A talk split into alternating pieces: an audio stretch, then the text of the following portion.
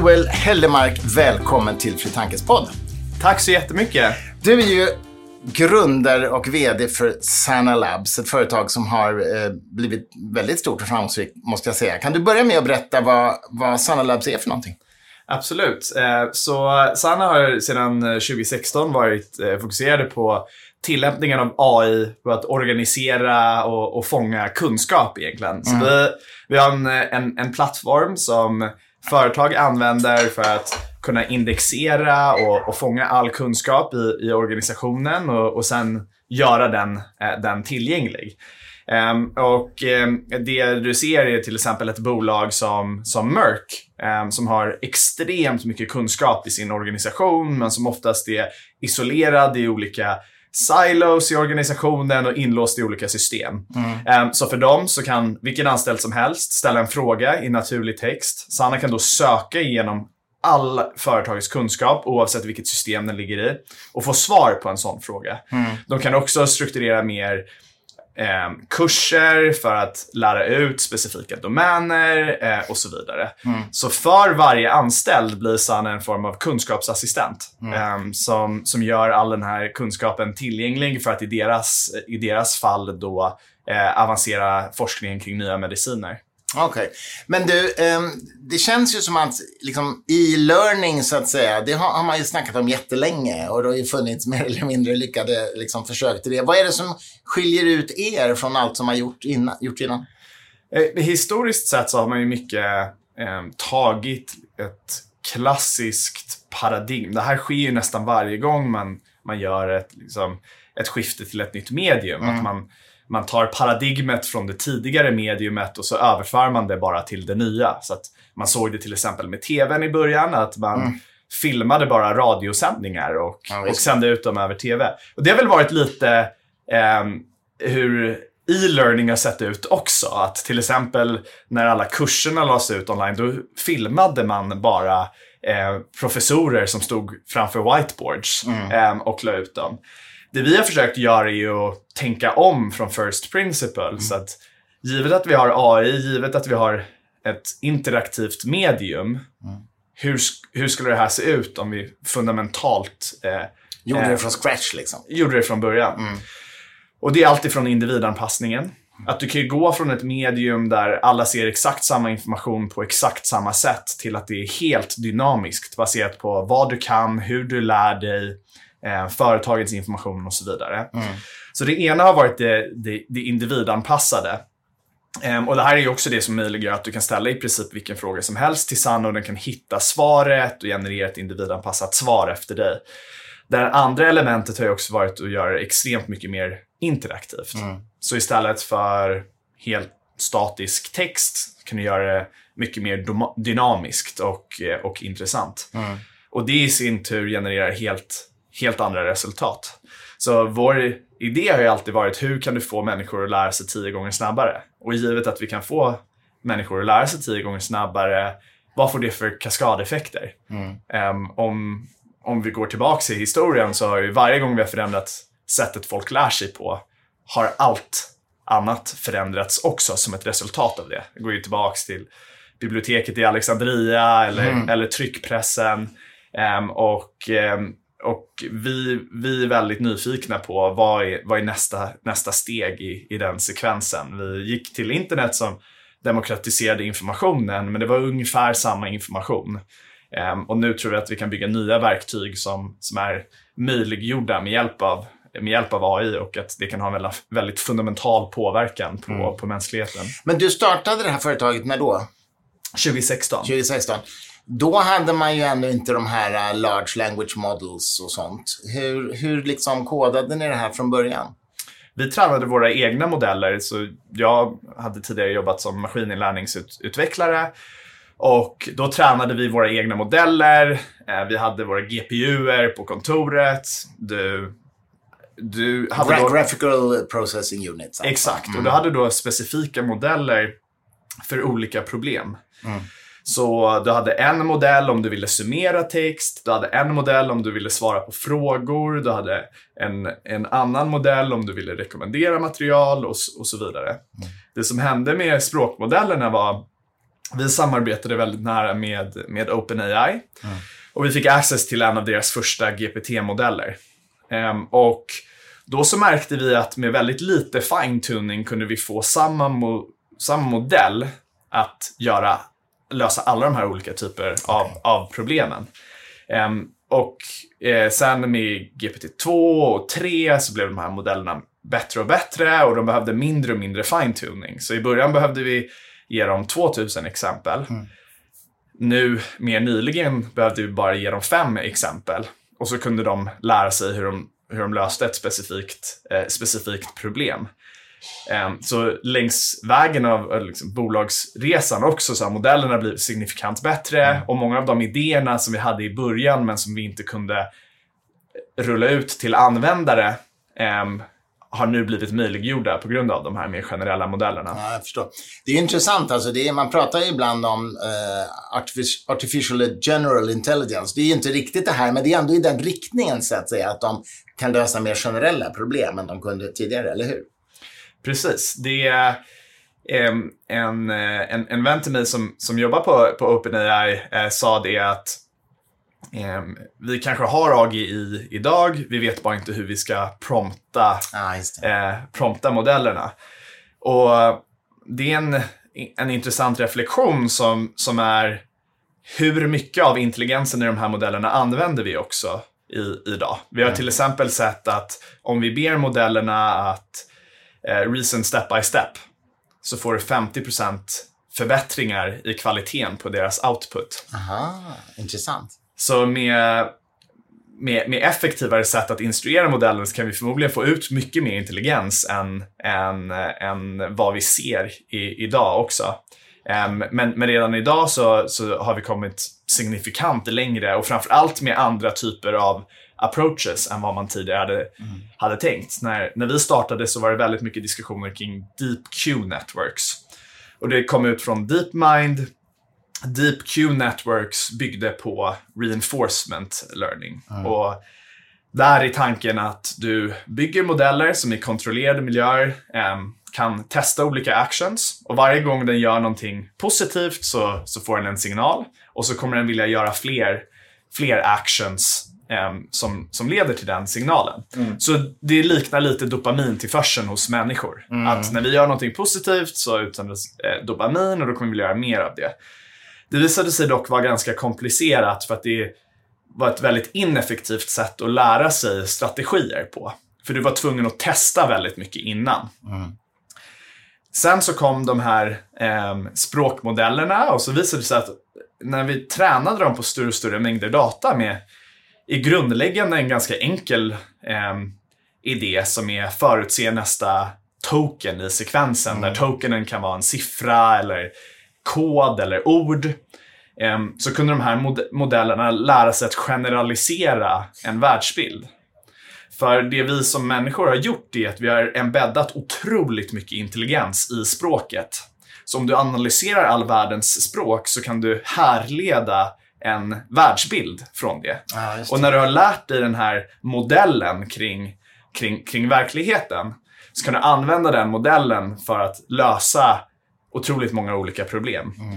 Och eh, det är väl där vi står idag, att de här modellerna, eh, så språkmodellerna, eller vad man nu vill kalla det, token predictors, har lärt sig att lösa otroligt många olika problem bara utifrån den väldigt enkla principen skalad på ett enormt stora mängder data. Och det får en ju fråga lite också kring mänsklig intelligens. Mm. Är vi någonting mer än token predictors? Mm. Är det jag säger nu bara den mest sannolika nästa tokenen i sekvensen? Mm. ja, vad svarar du på den frågan? um, jag, tror, jag tror att det finns väldigt många olika sätt att närma sig mänsklig intelligens och att den underliggande principen kanske inte spelar så stor roll. Mm. Jag tror att vi, om vi hade skalat upp en annan approach på väldigt stora mängder data hade vi också kunnat eh, nå någonting som var väldigt likt mänsklig intelligens. Mm. Så det verkar vara skalan som kanske är viktigare än den underliggande eh, algoritmen. Ja, jag förstår. Vi ska prata mer om det, men vill bara vara kvar lite grann med, vid ditt företag först. Alltså. Du grundade det här 2016 och hur stora är ni idag då? Eh, Augusti 2023? Eh, nu är vi eh, omkring 90 pers eh, och eh, är nu i, i, etablerade i Stockholm, New York och London. Ehm, och eh, har, har tagit in ungefär 900 miljoner för att skala upp det här bolaget, eh, skala upp det här bolaget nu. Um, och, och vår ambition nu under, under de kommande åren är att, är att bygga en kunskapsassistent som är helt universell. Som ehm, i princip men alla knowledge workers som heter använder för att kunna förhöja sin egen intelligens. Så det är väl det som är vår största eh, vår, vår största idé är går tillbaks till grundandet kring AI egentligen. Där det fanns två idéer. Det ena var hur kan vi förhöja mänsklig in- intelligens och den andra var hur kan vi automatisera den helt och hållet. Och Marvin Minsky och, och Douglas Engelbart hade ju mycket debatter i det här. En historia när de sprang in i varandra där på eh, MIT-campuset. Och Marvin Minsky säger vi ska ersätta mänsklig intelligens, vi ska göra, en medve- eh, vi ska göra eh, AI medvetande. Och så svarade Douglas Engelbart, ska vi göra allt det för datorerna? Vad ska vi göra för människor? Och det var idén som Engelbart hade, att om vi kan använda AI för att förhöja mänsklig intelligens kan människor i sin tur gå och lösa alla världens viktigaste problem. Han kallade det för intellectual augmentation. Ja. Exakt. Vi har ju förstås läst hans original paper om det här. Exakt, Ja. det var ju en av de, de, eh, de som var mest inflytelserika när jag startade Sana. Och det var just den här idén att hur kan vi hur kan vi bygga verktyg som förhöjer mänsklig int- intelligens? Och det är det jag ser Sana som. En, en kunskapsassistent, ett universalgeni i, i din ficka som kan, har all världens kunskap, har all ditt företags kunskap, har all din kunskap och kan hjälpa dig lösa eh, världens viktigaste eh, problem.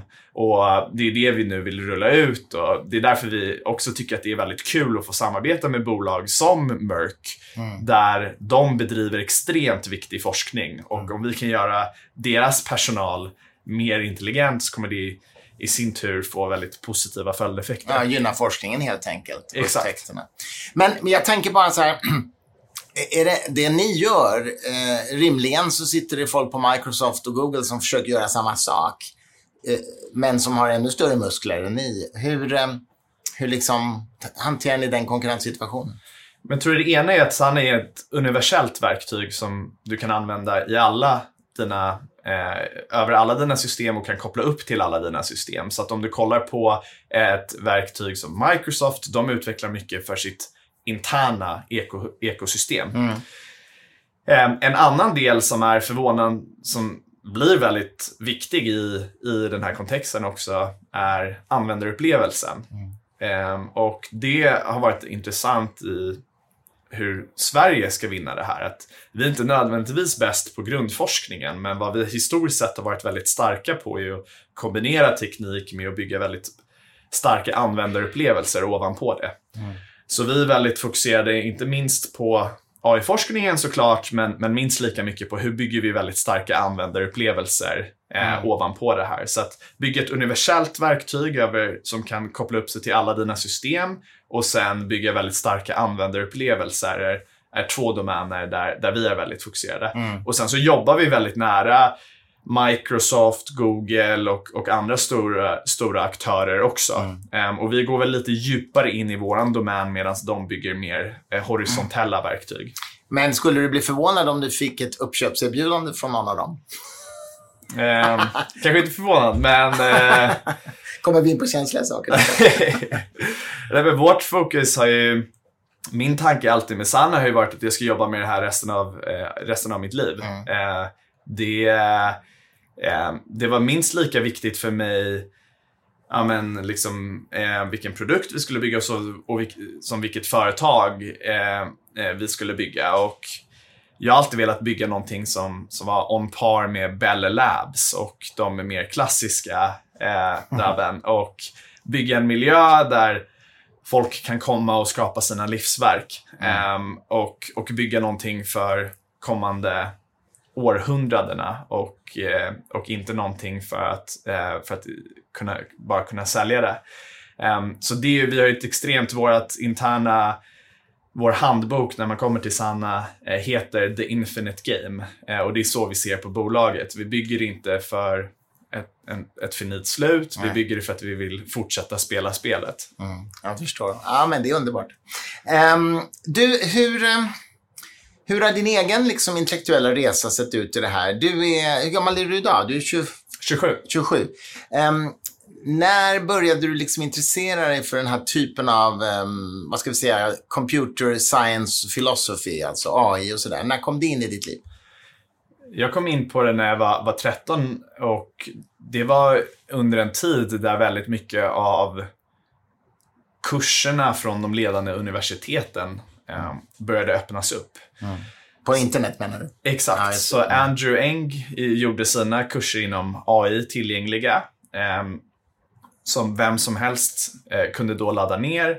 Och jag kom över de här och jag var så otroligt fascinerad över idén att uh, Steve Jobs pratade om det att bygga bicycles for the mind. Mm. Um, och jag kunde bygga system som jag kunde programmera dem en gång och sen så kunde de i, i sin tur eh, köra under natten. Mm. Jag kunde bygga ett system som spelade schack, som i sin tur gick och spelade schack mot mina kompisar. Mm. Och den idén var så otroligt fascinerande att du kunde fånga en del av mänsklig intelligens i, i, det, här, i det här systemet. Um, så det var, det var så det började och i takt med att du började utveckla det här så öppnade det ju väldigt mycket filosofiska frågor kring vad är mänsklig intelligens? Eh, är det så här enkelt mm. att, eh, att, att bygga ett, eh, ett, ett, ett system som, som simulerar mänsklig intelligens? Och, ehm, ehm, och det ledde mig då ner till ja, men, Hofstadter som är en kär förebild för, för, för, båda, oss, mm, för båda oss två. Engelbart och, och många av de andra äh, liksom, historiska figurerna i, i, i vårt fält. Äh, och Det är ju spännande för väldigt många av de idéerna vi diskuterar nu, de etablerades ju liksom från 50 mm till 80-talet. Ja. Um, och de är minst lika relevanta, om inte mer nu. Mm. Um, även om Hofstadter personligen kanske inte trodde att den här formen av vad han såg som mer narrow intelligens skulle vara så framgångsrikt på att generalisera. Han är ju lite chockad nu över utvecklingen, det vet vi båda. Precis. men, men, eh, nej, men både du och jag läste ju som unga eh, Gödel Bach såklart. Hur gammal var du när du läste den? Minns du det? Minns, men kanske 14, 15 ja, eller något sånt där. Ja. Det var ju en fantastisk bok alltså. Ja. Det var ju en sån mindfuck liksom. Man blev ju helt shit, vad är det här liksom? Jag minns det mycket väl. Jag var nog 19 tror jag när jag läste den. Um, Okej, okay, så du, du börjar fascineras av detta och, och då börjar du förstås programmera hemma och sådär? Precis. Mm. Vad hade du för dator första?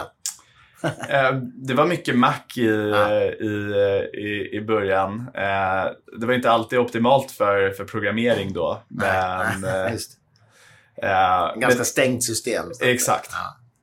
Men vilka programspråk började du med? Um, jag började med C um, och sen så började jag spendera ganska mycket tid i, i Python och, mm. um, och sen så spenderade jag en, en hel del tid också på att bygga appar och det var Objective-C då. Ja, just det. Vektororienterad programmering. Precis. Mm. Precis, det, ja, just det. Det, var ju, det kom ju då. Vad heter det? Har du, har du någonsin själv liksom skrivit har du skrivit ett schackprogram till exempel? Ja. Du har, du har gjort det? Okej, okay, så det var ett verkligt exempel då? Och, mm. och de... I vilket språk då? I C? Nej, i Python. I Python. Mm.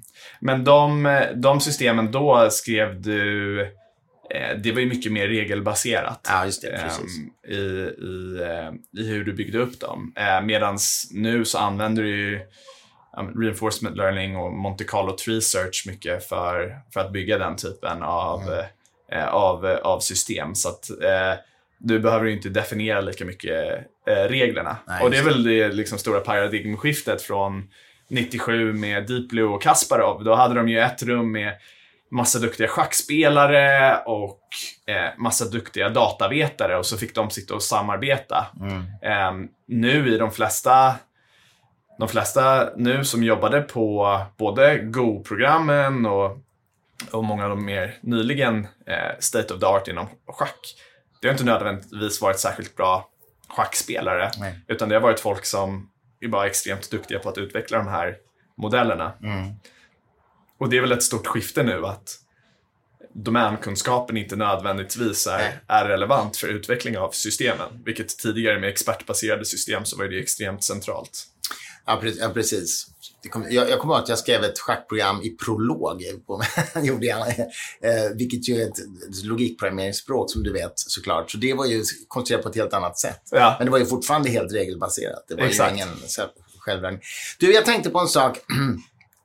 eh, när det gäller de här eh, självlärande systemen. Jag undrar om du håller med mig om det här som jag ska säga nu, som är en slags känsla jag har, som jag inte riktigt kan verbalisera. Men det känns som att vi håller på att få ett paradigmskifte där vi går ifrån att vi behöver förstå kausala samband till att inte behöva det längre utan bara korrelationer. Och, och vad jag menar med det innan, innan du svarar det, ta till exempel det här ex experimentet som Elon Musks Neuralink gör med den här apan som spelar Pong på en Har du sett den?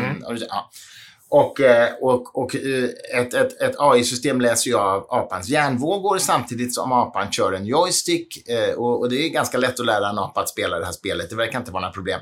Men AI läser då av de här hjärnvågorna och, och liksom ser hur de korrelerar med hans handrörelser. Och sen kan du då koppla ur den här joysticken ur datorn och istället styra den med hjärnvågorna bara. Och min, det är ett exempel. Och min poäng här är att de som har utvecklat det här systemet behöver inte förstå det ka- kausala sambandet mellan vilka hjärnvågor som ger upphov till vilka rörelser, utan det räcker att de korrelerar så att säga. Förstår du? Att vi, att vi liksom hoppar över den kausala förståelsen och bara behöver bry oss om korrelationen. Precis. Håller du med om att det är en slags förändring i synen på kunskap nästan i de här systemen? Det är många nu som argumenterar för mer symboliska system där man ska lära sig en mer liksom, explicit eh, representation av, Okej. av, av, av koncept. Eh, och det är många andra som, som, som tror att vi inte nödvändigtvis eh, kommer, kommer behöva det. Eh, och det vi går mot nu är multimodala system. Så Okej. vi har gått ifrån språk, som där slutsatsen har varit att vi kan härleda otroligt mycket in, in, eh, liksom, intelligens från språket eftersom vi har embeddat extremt mycket information i det. Ehm, och nästa steg är om du kan kombinera språkmodellerna med video till exempel. Så tänk att du tränar en modell både på hela internet och all video som finns på YouTube. Och då kan du ju lära dig rikare, eh, rikare representationer av, av till exempel fysik. Fysik kan ju vara svårt att härleda helt ifrån, eh, ifrån text. Men om du kan kombinera text och video så kan du ju härleda det därifrån. Och då är frågan, behöver du ha en väldigt explicit eh, representation av fysik i de här systemen? Eh, det de lär sig är ju någon form av högdimensionell representation av, av det. Att de kan slutföra baserat på videon de sett och baserat på, på texten kring hur en boll till exempel beter sig i en viss gravitation. Eh, så kan de eh, dra slutsatser eh, ut, utifrån det. Eh, men jag tror vi kommer förmodligen inte gå tillbaks till den här mer explicita representationen. I vissa fall så kan du behöva kombinera de, de två. Där du kan behöva en, en motor som eh, har en väldigt explicit representation av fysik, fysik till exempel och kombinera det med de här andra modellerna. Eh, men, eh, men, eh, men nu är det ju, lär vi oss ju extremt mycket mer från bara observation och genom att observera all text och all video bygger vi upp en högdimensionell representation av, av världen och så kan vi använda den för att, för att dra, dra slutsatser. Eh, men det är väldigt svårt att förstå exakt hur de här modellerna representerar internt. Ja, precis. Och och det jag tänker är liksom att om AI, AI börjar kunna producera så att säga substantiell output som till exempel scanna hjärnvågorna så att AI kan styra en joystick. Då, då hamnar vi i ett läge där vi liksom hoppar över den vetenskapliga förståelsen för, för vad det här är för någonting. Precis så. Ja, och, och, och eh, på ett sätt är det lite fascinerande, för det, det, skulle ju kunna tillämpas på nya medicinska upptäckter eller fysik eller vad som helst. Liksom. Att, att AI springer liksom ifrån oss människor. Vi begriper inte varför det blir rätt, men det blir rätt, så att säga. Ja, det är ju för att vi, vi har extremt svårt för just högdimensionellt res resonerande. Aha, ja, just det. Ja, eh, Medan det är väldigt enkelt för de här modellerna mm. att, att hantera. Mm. Så kollar man på väldigt mycket av vår, vår vetens, vetenskap så är den ju ganska enkel och liksom tvådimensionell att mm. processera. Mm. Eh, men när de här modellerna lär sig det så eh, kan de lära sig kombinatoriska explosioner som hade varit väldigt svåra för oss att liksom hantera. Ja, precis. Och det känns ju alltså i någon mening som att en AI kommer att kunna utöva tankeläsning ganska snart med det här exemplet som förebild som vi just pratade om, eller hur? Det är en slags tankeläsning i alla fall. Absolut. Och eh, Ehm, och och där, där är vi ju i en ganska stor utsträckning förmodligen mm. i, idag. Det beror ju på hur, hur komplicerad din eh, token predictor är. Mm. och hur enkel den är att, eh, att, att simulera. Um, om, eh, om du säger väldigt om du har väldigt banala tankar så kommer det nog vara extremt enkelt modellen ja, att, att läsa dem. Men du, tror du, du vet det, det berömda Turing-testet som Alan Turing utvecklade, att du sätter en maskin i ett rum och en människa i ett rum och sen har du en försöksperson som får ställa vilka frågor som helst via en textterminal och om han eller hon inte kan avgöra var datorn är, i vilket rum, då har datorn klarat Turing-testet. skulle du säga att 2023 är det året när vi liksom har passerat detta för AI idag. Ja, om inte lite tidigare. Ja, till och med tidigare. Mm. Ja. För jag tycker det är intressant för att många säger ju så här, nej men man märker ju att ChatGPT är en maskin därför att om man frågar den så här, har du några känslor? Så säger den bara, nej jag har inga känslor för jag är en AI. Men det beror ju på att den är inställd att svara på det viset. Precis så. Eller hur? Hade den varit tweakad till att simulera människan så mycket som möjligt, då tror jag i alla fall att de flesta skulle bli lurade av den. Ja, de första modellerna mm. var ju extremt lika att konversera med en människa. Mm. Mm. Det modellerna inte har nu, vilket går tillbaka lite till, till Gödel, Escher, Bach, ja. Ehm, är rekurrensen. Och de har ingen de har ingen tanke om ett jag. Bara för att de, de kan ha en tanke i, i samma konversation. Ja. Men om du startar en ny konversation så börjar den om från början. Mm. Men om modellerna hade haft mycket rekurrens och kan se tillbaks till, till tidigare samtal och mm. den vet alla gånger den har pratat med dig och pratat med andra människor. Mm. Då skulle den ju mer och mer få en känsla av ett jag också. Mm. mm.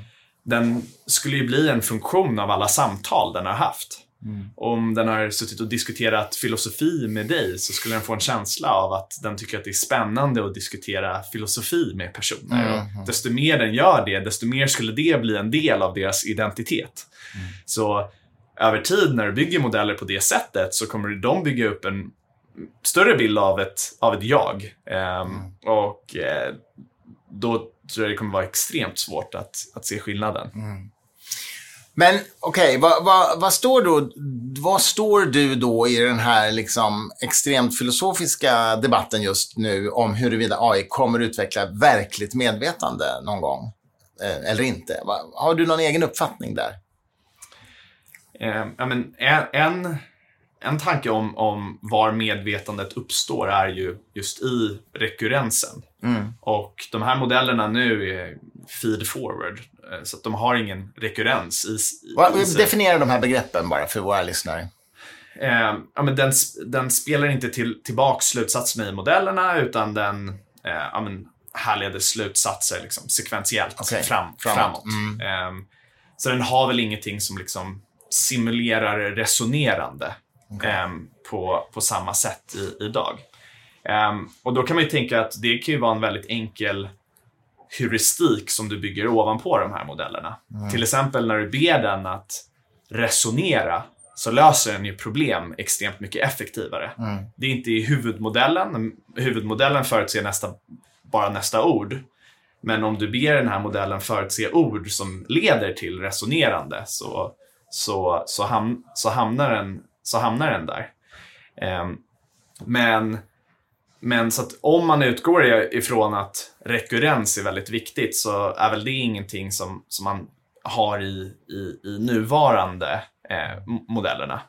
Men om modellen beter sig på ett sätt som att den, den är medveten, om den har en känsla av ett jag för att den har ett minne av alla konversationer den har haft med olika personer och allt den har upplevt. Då kommer det vara extremt svårt att, att, att se skillnaden till ett mm. mänskligt medvetande. Mm. Till exempel om du har en modell som har haft extremt långa konversationer med en, med en person. Mm. Och så går den personen bort och den inte kan ha de samtalen längre. Mm. Då är frågan, kommer den här modellen känna någonting? Sörja. När du frågar den om de här konversationerna och om den saknar personen. Mm. Ja, vad tror du? vad tror du? Din personliga uppfattning här. Det är ju en fråga om hur väl den kan simulera, eh, simulera det. Och om modellen gör det, vad, vad är skillnaden mot en, mot en människa? Ja, det var det jag menade. Alltså, för när du säger simulera så ger ju det ändå känslan av att den fejkar det. Men kan det vara så att den faktiskt känner sorg? Det, tror du? Jag tror att om, om man beskriver det som att fejka det så är det ju det är ett lärt beteende och det är ju, människor har ju också lärda beteenden. Att mm. Vi förstår när vi ska känna vissa saker. Mm. Um, så, så, så min, min, uh, min reflektion kring det är, är att uh, det, det beror på hur systemet är, är, är uppbyggt. Hade du frågat ChatGPT idag utan att den har en känsla av ett jag så skulle det vara en, en väldigt enkel simulering av det. Den skulle mm. bara säga det för att den är tränad på att det är så, mm. så den ska säga det.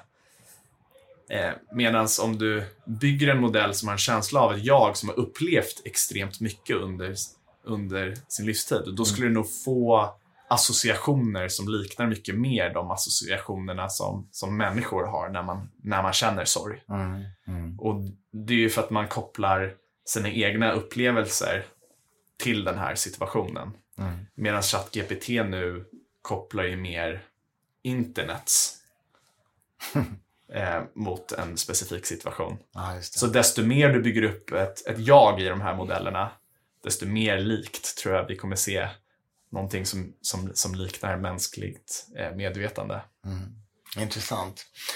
Um, en del personer och experter är ju påtagligt oroade över detta.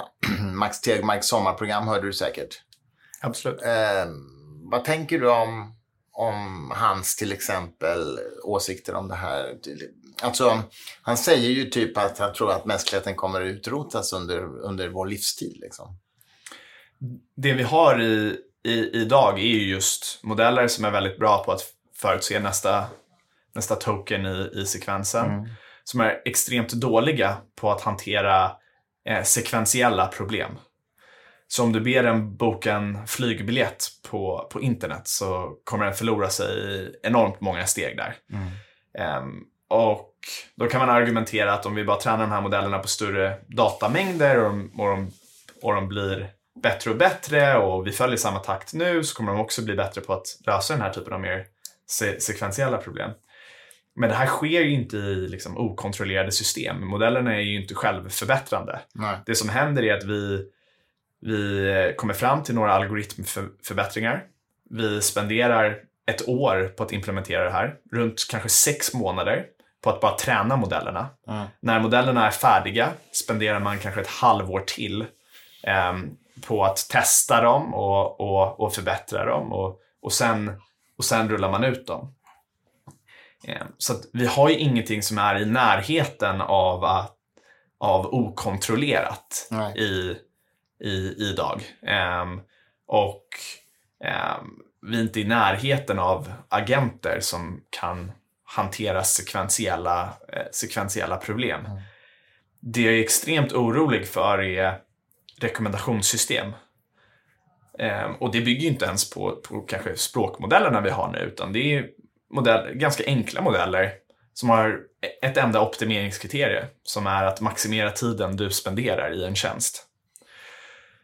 Okej. Och det de gör för att hålla dig kvar är ju presentera så fångande innehåll som möjligt. Och ibland är det innehåll som kan vara positivt. Ibland är det innehåll som kan vara extremt eh, destruktivt. Och det här har skapat någon form av virus för mänskligheten. Där vi har flera miljarder personer som sitter i de här systemen varje dag.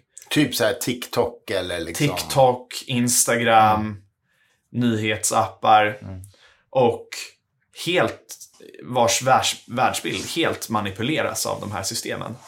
Eh, och det tycker jag är extremt, eh, extremt skrämmande. Eh, men där tror jag att det är viktigt att vi inte distraheras av potentiella långsiktiga em, risker. Em, ut, som, som bygger på eh, att multiplicera vissa antaganden med oändligheten.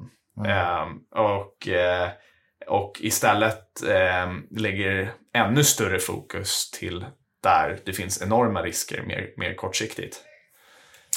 Jag förstår vad du menar. Eh, tänker du också att en kortsiktig risk är att eh, vi kommer att ha AI som producerar mycket desinformation på nätet? Är det en risk? Ja, det, det ser vi ju redan, redan i, i, idag. Det, det som de här systemen kan göra är väl att göra det extremt mycket mer indi- individanpassat. Men jag tänker på idag har vi ju sett mycket så att säga AI som kurerar innehåll individanpassat Ja. från trollfabriker och sådär. Men jag tänker också om, om den börjar generera content som dessutom kureras liksom, så blir det ju liksom en, ytterligare en faktor. Det finns ett par rekommendationssystem i, i Kina där man har kopplat på generativa modeller med rekommendationssystem. Så att den genererar material som du är väldigt sannolik, sannolik att, att klicka på då. Okej. Så till exempel kan den generera individanpassade nyheter. Så om du är intresserad av ett visst fotbollslag och de precis har haft en match och du brukar vilja ha ungefär artiklar som tar två och en halv minut att, att läsa och som har mycket, mycket lister i sig. Så genererar den det eh, f- för dig. Ehm, och eh, det är ju förstås en, en väldigt eh, kraftfull eh, modell att använda eh, för att sprida missinformation också. Ehm, i, i, I många fall så är inte de här fenomenen någonting eh, nytt. Och det jag tycker är fascinerande är att vi verkar återupptäcka massa problem kring teknik igen. Eh, problem kring copyright. Det är inga nya, det är inga nya eh, problem vi har i att AI kan generera musik, utan det här är ju precis de problemen vi haft med, med människor tidigare. Och om man kollar på eh, vad vi möjliggör nu är ju också andra sidan av myntet, vilket är att hantera alla de här problemen. Så till exempel, tar du missinformation, de här modellerna är också väldigt kraftfulla verktyg att identifiera det. Ehm, Så jag tror om man spelar ut det här ett par år till så kommer vi förmodligen se mindre missinformation än mer. För att vi också har byggt mycket kraftfullare verktyg att hantera det. Ja, jag förstår vad du menar. Mm. Intressant. Tror, tror du att vi kommer att, att, att hamna i en situation som blir en tillbakagång till liksom traditionella medier för att internets informationsutbud inte kommer bli pålitligt eller trovärdigt eller just sådär kurerat och individanpassat så att det inte liksom fungerar? Problemet blir väl att det inte är vi som, som bestämmer, utan det är någonstans konsumenterna. Ja, ja just det. Och även fast vi skulle älska att läsa papperstidningar med, eh, med information vi kan, vi kan lita på, så är det ju det som är mest engagerande som, som, som kommer att vinna. Eh, så även fast jag hade hoppats det så, så tror jag att det är ganska osannolikt. Hur gick det med ditt schackprogram förresten? Kunde du vinna över det till slut eller vann det över dig? Det vann över mig. Gjorde och det är det? väl det som är en stor filosofisk, eh, filosofisk eh, fråga nu. Att vilken roll har vi att, spela i takt med att kostnaden på intelligens går, går mot noll Mm. och ja, att, eh, vi har system som är så extremt mycket mer intelligenta än, än, än oss. Vilken, vilken roll spelar vi i en, i en sån värld? Och om du tar fallet av att du jobbar på en arbetsplats så finns det två chattrutor. Vill du skicka det till Sturmark eller vill du skicka det till eh, chattbotten? Mm. Chattbotten svarar dig på 200 millisekunder. Sturmark vill ta en kaffe, diskutera. Hur var det du tänkte kring det här? Ehm, ta en vecka till. Försov sig till mötet. Det är kört för länge sedan. Du får tillbaks det, ge lite feedback. Du kommer ju förmodligen hamna i ett, i ett läge där fler kommer skicka in det här i, i chattbotten Mm. än, än, än, än delar, eh, dela en förfrågan med en, med en kollega. Och eh, där blir det spännande. Var, var, var kommer vår roll vara i det? För det vi har kvar någonstans är ju vår intelligens och kreativitet som, eh, som, som människor. Eh, och vi trodde att systemen, det sista de skulle göra var att gå efter vår kreativitet. Tänkte de kunde börja med att ta de här manuella, repetitiva Mm. eh, problemen. Sen så efter det lite enklare typer av kunskapsprocessering och sen lite mer avancerad kunskapsprocessering. Men det sista de kommer ta ifrån oss, det är att illustrera och skriva po- poesi. Mm. Mm. Eh, och det visade sig vara i princip i exakt omvänd ordning. Ja. Att det som var enklast eh, var de kreativa problemen. Det som var näst enklast var ganska komplicerad kunskapsprocessering som hanterar legala frågor eller, eller generera kod. Och det som har visat sig vara absolut svårast är de här manuella, repetitiva eh, problemen. Ehm, så vi, vi är väl, i, eh, vi är väl i, ett, i, ett, i ett läge nu där man får gå tillbaka till de existentiella frågorna som man började med när man programmerade och, eh, och eh, se över vad, vad, är det som, vad är det som mänsklig intelligens nu kommer unikt, vara unikt kapabla till. Mm. Jag tänker internt på, på ditt företag. Eh, har, har ni implementerat er, så att säga, ett kunskapssystem på er själva? Så att nyanställda hos er lär sig sitt jobb genom att prata med systemet? Eller? Precis, så att Du de... har gjort dig själv redundant. Ja, exakt. Och det, och, och det är väldigt spännande ur...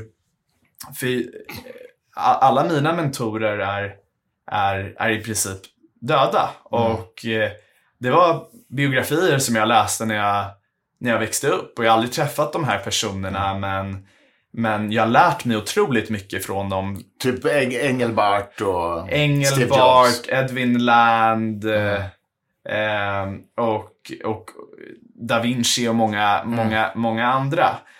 Och det, det Steve Jobs en gång sa att nästa gång vi får en Aristoteles kommer vi kunna fånga den i, i, i ett system.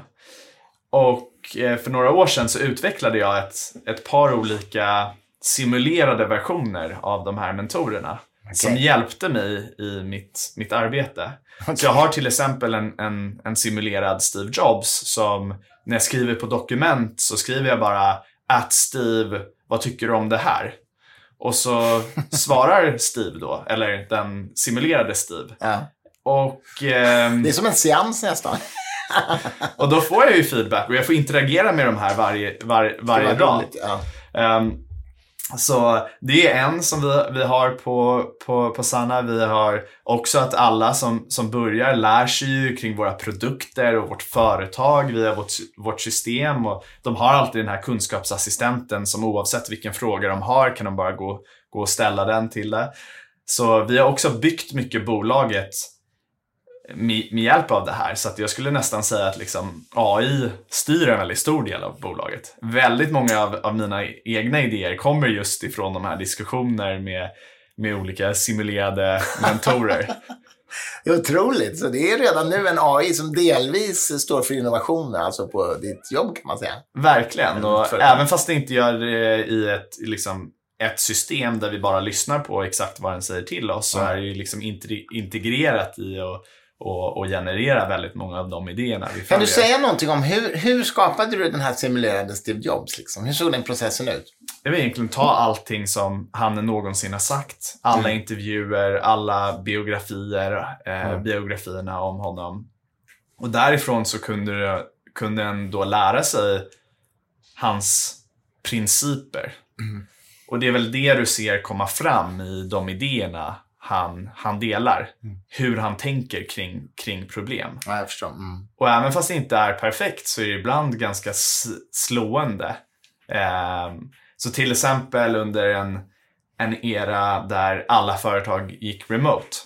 Så frågade jag Steve, Vad du gick remote?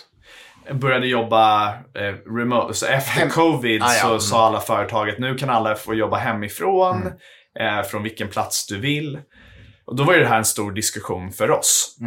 Och då så frågade jag Steve eh, vad han tyckte.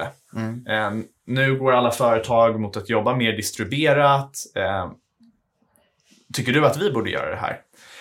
Och då så, så svarade han att 95% av alla kommunikationsproblem löses när du sätter folk i samma rum. Eh, folk som jobbar på samma problem ska alltid vara eh, lokaliserade i samma rum. Och det här bygger på mycket av de tankarna jag som, som, som han hade. Eh, och eh, det är väl det som är väldigt, eh, väldigt fascinerande. Mm. Jag vet aldrig om han har sagt explicit att det ska vara på det här sättet. Mm. Men utifrån hur han har byggt alla sina bolag eller tidigare så utgick modellen från att det var ungefär så här han hade, hade resonerat. Fascinerande. Men du, det här, det här kommer ju resa en, en, en, en problematik om vi tar, eh, säg till exempel att du tar en levande verksam person som du modellerar. S- Säg att det kanske inte är tankar utan musik. Eh, Vi har en modell som kan allt om Benny Anderssons sätt att komponera och sen så ber du den hjälpa dig att komponera. Borde Benny Andersson ha lite copyright på det som du producerar då? Producerar då?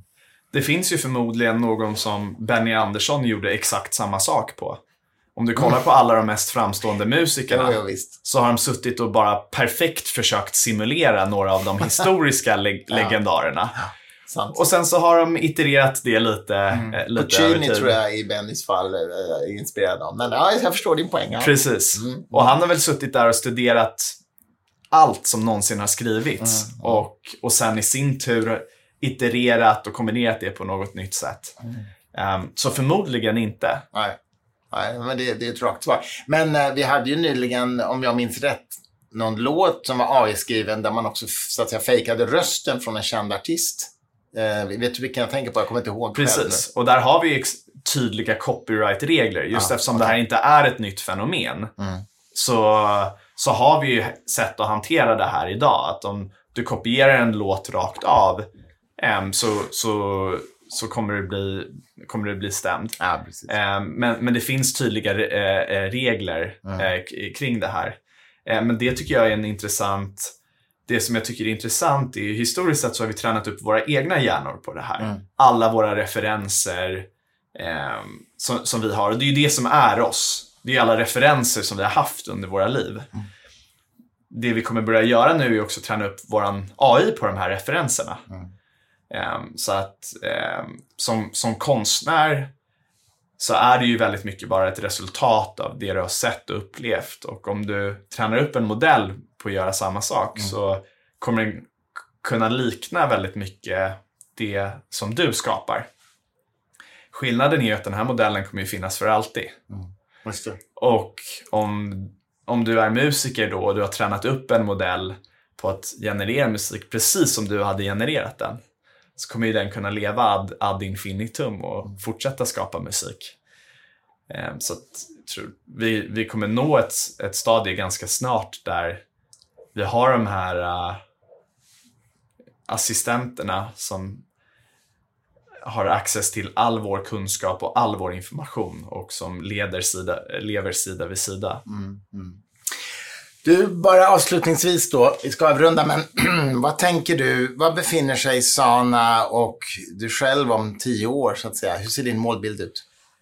Vi är väldigt, vi pr- pratar mycket om det som att bygga en, ett biblioteket i Alexandria på en internetskala. Mm. Att gick du till biblioteket av Alexandria hade du all världens in information, du hade alla experter du kunde vilja lära dig ifrån. Om du hade en fråga så kunde du ställa den och, och, och få svaret, eh, svaret direkt. Eh, och om du kan bygga ett bibliotek i, av Alexandria på en internetskala, att du har all världens kunskap, du har all din kunskap, du har all din företagskunskap och du kan accessa det här på, på helt nya sätt så hoppas vi det kan få extremt positiva följdeffekter. Det andra är att vi vill bygga någonting som, som motsvarar Bell, Bell Labs. Mm. Där många av världens ledande forskare kommer och, och, gör sina livsverk. Och nu har vi en sån studio i, i Stockholm, vi har en sån studio i London och New York. Och bygga upp dem, eh, bygga upp dem globalt och bygga en plats där där eh, folk kommer och, och, gör den mest meningsfulla forskningen och avancerar mänsklig kunskap är vi också väldigt fascinerade kring. Um, så vi är minst lika nyfikna på hur kan vi förändra sättet som folk lär sig och delar mm. kunskap med hjälp av AI och också hur kan vi tänka om hur en organisation är, är, är uppbyggd och bygga ett mycket mer spännande företag att jobba på. Otroligt spännande. ska bli kul att följa. Eh, Joel Hellmark, stort tack för att du var gäst i Fri Tankes podd. Tack så jättemycket.